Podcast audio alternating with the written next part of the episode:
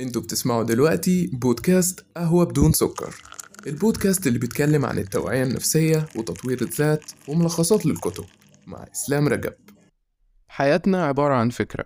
حتى الأهداف بتاعتنا وكل حاجة بنسعى ليها فهي كانت في الأول فكرة إلى أن تحولت لخطط واستراتيجيات وحاجات كتير جدا ومراحل كتير جدا بتمر عليها. البودكاست اللي أنت بتسمعه كان فكرة لحد ما تنفذ. فكرة إن أنت تدخل تسمع البودكاست فهي برضه كانت فكرة في الأول.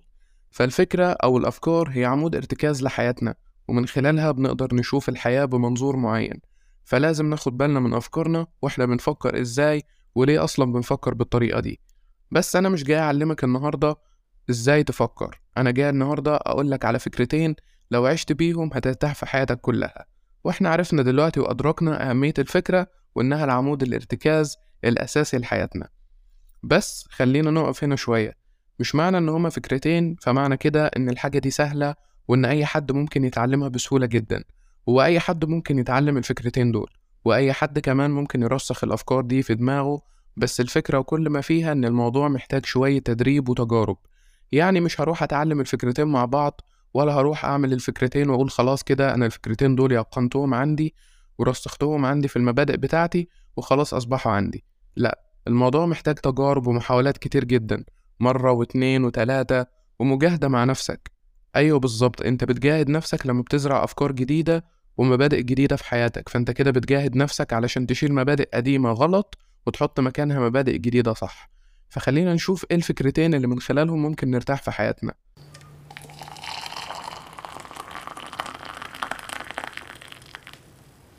أول فكرة وهي الحقد والمقارنة. هما الاتنين مربوطين ببعض للأسف بس محدش بياخد باله من ده. الموضوع بيبتدي بمقارنة والفكرة بقى إنها دخلت من ال social media. ال social media اللي أصبحت مستحوذة على حياتنا بشكل كبير جدا. ومش هقولك ابعد أو ما تبعدش لأن ده مش موضوع النهاردة بس الفكرة إنها بقت عاملة زي الغسيل اللي بننشره بالظبط. كل واحد بيعمل حاجة نشرها قصاد التاني والتاني شايفها. بيقارن نفسه بيقول إشمعنى أنا؟ طب ليه؟ طب أنا نفسي في كذا؟ طب ليه دي ما جاتليش أنا؟ يا رب تروح من عنده. هي بتبتدي بمقارنة والمقارنة بتتحول لحقد فيما بعد مع الممارسة بدون ما تاخد بالك. عشان كده عايزين نشوف الموضوع من منظور جديد تماما. طب إيه هو المنظور الجديد اللي يخلينا نقدر نتعامل مع الفكرة السلبية دي؟ أول حاجة خليك على يقين إن ربنا سبحانه وتعالى ميزانه عادل جدا. كون إنك بتحقد على حد وباصص له في رزقه أو باصص له في الحاجة اللي هي معاه فأنت كده بتقول لربنا سبحانه وتعالى يا رب أنت كده ما عدلتش. آه هي معناها كده. يا رب انت ما عدلتش وظلمتني واديته حاجة أنا نفسي فيها وأنا ما خدتهاش. انت كده بتقول لربنا سبحانه وتعالى لما بتحقد على حد أو لما بتشوف حاجة في إيد حد غيرك وأنت نفسك فيها أو نفسك يكون عندك مثلا حاجة زي كده. مش عيب يكون نفسك في نفس الحاجة بس العيب والأخطر إنك تتمنى زوالها من عنده علشان تكون عندك. دي بقى المرحلة الخطرة.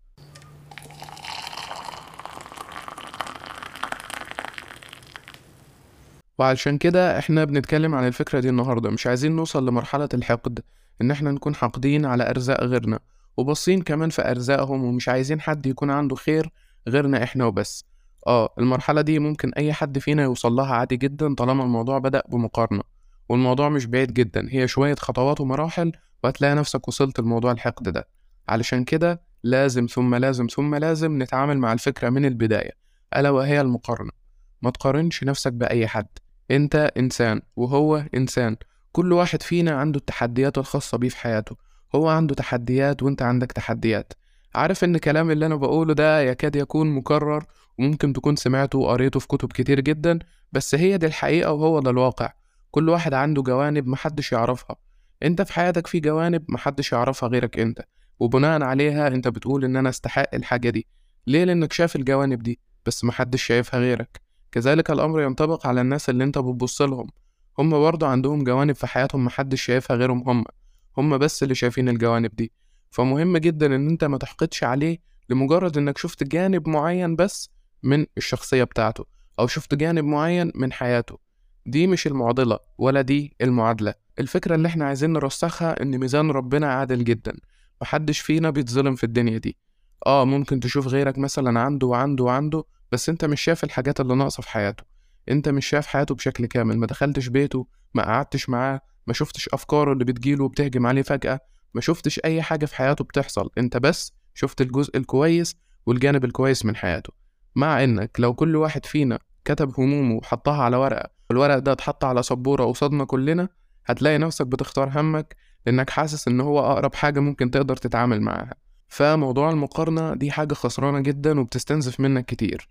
أنا عارف إن الموضوع مش ملكك وعارف إن الموضوع بيهجم عليك فجأة وعارف إن في ناس كتير جدا نفسها تطلع من موضوع المقارنة ده وتطلع من الزون ده خالص كده وتبعد عنه خالص. نفسها كده ترتاح من الأفكار اللي بتجيلها لما بتشوف إنجاز. نفسها تفرح نفسها تفرح لغيرها بس هي مش عارفة. وقعت في فخ المقارنة من البداية لدرجة إنهم خلاص وصلوا لمرحلة من مراحل الحقد إن هما بيحقدوا على غيرهم وهم مش راضيين عن نفسهم تجاه ده. فعشان كده لازم ناخد بالنا من أول خطوة. طيب أنا اوريدي وقعت مثلا في فخ المقارنة أو أنا وصلت لمرحلة الحقد. إزاي أتعامل بقى؟ يعني أنا نفسي أفرح لغيري بس مش عارف أفرح لغيري. نفسي أهنيهم بس أنا مش عارف. أنا حاسس إن أنا متضايق من جوه مخنوق وحاسس إن أنا ما أنجزتش. هنا إحنا بنتكلم عن تقديرك لنفسك وتقديرك لذاتك. خد بالك إن تقديرك لنفسك وتقديرك لذاتك مش مربوط بإنجازات الناس اللي حواليك. يعني مهما الناس اللي حواليك عملوا من إنجازات وعملوا حاجات كتير جدا ده لا يقلل من قيمة نفسك ولا يقلل من قيمة إنجازاتك. هما بيعملوا إنجازات أنت بتعمل إنجازات وهي دي الدنيا وكلنا بنفرح ونبارك لبعض. فما تخلطش ده بده علشان هتتعب جدا.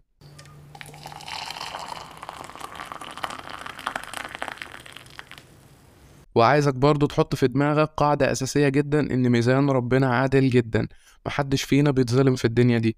كل واحد بياخد حقه تالت ومتلت. وانت متعرفش ربنا مخبي لك إيه فيما بعد. الدنيا عبارة عن مراحل. محدش بياخد كل حاجة في مرحلة معينة. ما تحكمش على نفسك علشان المرحلة دي وحشة في حياتك وحلوة عند غيرك. وبكرة برضه هيبقى العكس هتبقى حلوة عندك ووحشة عند غيرك. فبلاش تحكم عليها بكده لأنها عبارة عن مراحل. واحد ممكن يكون غني من سن 18 19 سنة ومولود في ظروف كويسة تسمح له إنه يعمل حاجات كتير. ممكن انت برضه توصل لنفس المرحلة دي بس على سن أكبر شوية. بس الفرق ممكن تلاقي ربنا مبارك في عمرك. يعني مثلا عايش سبعين تمانين سنة هو مثلا ممكن عايش خمسين خمسة وخمسين سنة. فتلاقي ربنا مبارك في عمرك ومديك عمر علشان تتمتع بالحاجات اللي اداها لك وفي نفس الوقت تقدر تعمل عبادات وتعمل خير وتعمل حاجات كتير جدا. فموضوع المقارنة خسران جدا. بلاش تقارن ولو عايز تقارن تقارن نفسك بنفسك. برضو الجملة دي هتكون قريتها وسمعتها كتير. بس هي فعلا صح. شوف نفسك من كام سنة ورا وبص لنفسك دلوقتي وبص لشخصيتك دلوقتي. هتلاقي إن ربنا أنعم عليك بحاجات كتير جدا والحمد لله هتقول يا رب الحمد لله إن أنت نجيتني من كل المهالك اللي أنا وقعت فيها. فعلشان نطلع من الفكرة الأولى ونكون متفقين خلينا على إيقان تام إن ربنا مش بيظلم حد فينا خالص. والحقد والمقارنة مش هيروحوا من قلبك من يوم وليلة. لا دي حاجة اتزرعت فيك بقالها شهور وسنين ومحتاجة منك محاولات وتجارب علشان الموضوع يصبح خفيف عليك وتقدر تتقبل إنجازات الناس اللي حواليك. طب برضه معرفتش أنا أعمل إيه علشان أهني الناس اللي حواليا وأفرح لهم ومحقدش عليهم. خليك أنت مبادر يعني لما تشوف رزق في إيد حد خليك مبادر وروح بارك له على ده. بارك له وحاول إن أنت تكون مبسوط ما تتصنعش. بس ازرع من جواك فكرة إن ده مش هيقلل منك بالعكس أنت هتكون مبسوط إنك بتعمل حاجة زي كده. روح له وافرح معاه وبارك له وقول له مبروك على ده. مفيهاش حاجة ولا عيب وده مش هينقص من رزقك ولا هياخد من رزقك. خزائن ربنا مليانة وما بتخلصش أبدا ومحدش فينا يقدر ياخد رزق ربنا كاتبه ليك. ازرع الفكرة دي في دماغك وصدقني هترتاح بعدها.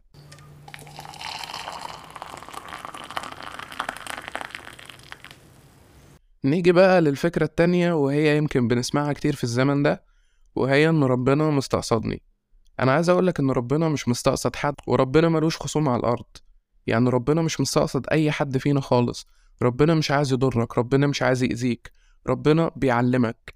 يعني والدك في البيت لما بيكون عايز يعلمك حاجة بيسيبك تدخل تجربة صعبة وجرب. طالما ده اختيارك فجرب وادخل وخبط يمين في شمال لحد ما تقع. طب هل هو عايزك تقع؟ لا. هو بيعلمك هو بيربيك. هو عايز يقولك بس إن أنت لازم تاخد درس علشان تتعلم علشان ما تنساش ده طول حياتك. على عكس لما أجي واقولك نصيحة مثلا وكده كده أنت مش هتاخد بيها. فهو بيسيبك تدخل التجربة وتتعلم وهتتعلم منها حاجات كتير جدا. فربنا مش مستقصدك ربنا بيعلمك ربنا بيدخلك تجارب كتير جدا. علشان حاجات زي كده هتفيدك كمان كام سنة لقدام. هتقدر تتعامل. لما تتجوز ويكون عندك أسرة وبيت وولاد وأطفال هتعرف تتعامل وهيكون عندك خبرة تتعامل مع أمور الدنيا والحياة. هتعرف تنصحهم. لو انت شخص ما عندكش تجارب ما عندكش تجارب سيئة ولا عندك تجارب كويسة مش هتعرف تربي أولادك. مش هيكون عندك خبرة ولا هيكون عندك خلفية عن الدنيا. فانت كده مش شايف حاجة انت ماشي ومش شايف أي حاجة خالص ولا عارف تدير أمور البيت ولا عارف تعمل أي حاجة. فلازم ربنا يحط الأمور السيئة في حياتك أو التجارب السيئة اللي أنا بشوفها من منظوري إنها مش سيئة خالص. بالعكس ده أنا أحيانا والله بدعي ربنا انه يرزقني بتجارب تكون صعبة هتقول إيه المجنون ده وبيقول إيه وليه عايز كده ومش عارف إيه؟ آه والله العظيم دي حقيقة. أنا أحيانا بدعي ربنا إنه يخليني كده أو يحطني في تجربة زي كده. ليه؟ علشان أنا مش هتعلم إلا بكده.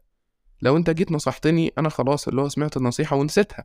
لكن لما أدخل التجربة بنفسي وأشوف أخطاء ويحصل غلطات كتير فيها وأدخل يمين وشمال وأخبط وأعمل حاجات كتير جدا أنا كده هتعلم. وهبني مبادئ جديدة وهبني أفكار جديدة وهكتسب معرفة وهكتسب مبادئ وقناعات وهقدر فعلا أبني شخصية جديدة كلها خبرة وحكم وأقدر أتعامل بيها في الدنيا أقدر أعمل بيها حاجات كتير في الدنيا.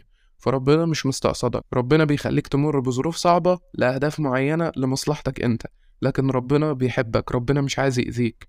حط القناعة دي في دماغك وخلي الفكرتين دول معاك دايما إن أنت لا تحقد ولا تقارن نفسك بحد ولا يكون عندك اعتقاد إن ربنا مستقصدك. ربنا بيحبك وبيحب لك الخير ودايما كاتب لك الخير في حياتك.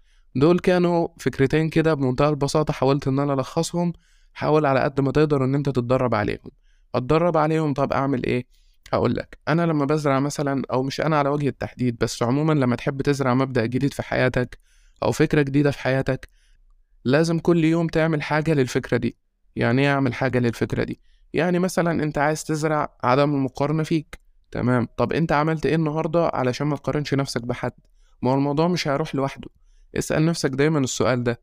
فكرة إن أنت تكتفي بالمعرفة وإن أنت عرفت ده مش كفاية. ما تكتفيش بالمعرفة ولا تكتفي بالبودكاست. لازم يكون في خطوات عملية منك أنت بتعملها كل يوم علشان تمنع الفكرة دي وتزرع فكرة جديدة.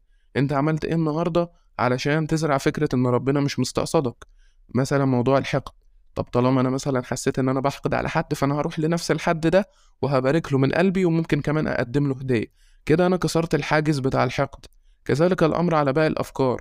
خلي فيه اكشن وخلي فيه فعل أنت بتعمله مع كل فكرة عايز تزرعها. بالطريقة دي أنت هتكون بالفعل بتزرع أفكار جديدة ومبادئ جديدة وعلى خطوات ومراحل. وبلاش تستعجل بلاش تستعجل على النتائج. أنت بتبني شخصية. أنت مش بتبني مكعبات ولا بتبني بيت خشب ولا كل الكلام ده. أنت بتبني شخصية ودي أصعب حاجة ممكن تبنيها وخصوصا كمان في الزمن ده. فخد بالك من نفسك وخليك على يقين دايما إن ربنا مش مستقصدك وبيحب لك الخير وإن مفيش حد أحسن منك ولا في حد أقل منك. أنت لا تقارن بحد أنت تقارن بنفسك وبس. أشوفكم على خير دايما في بودكاست جديد وقهوة بدون سكر.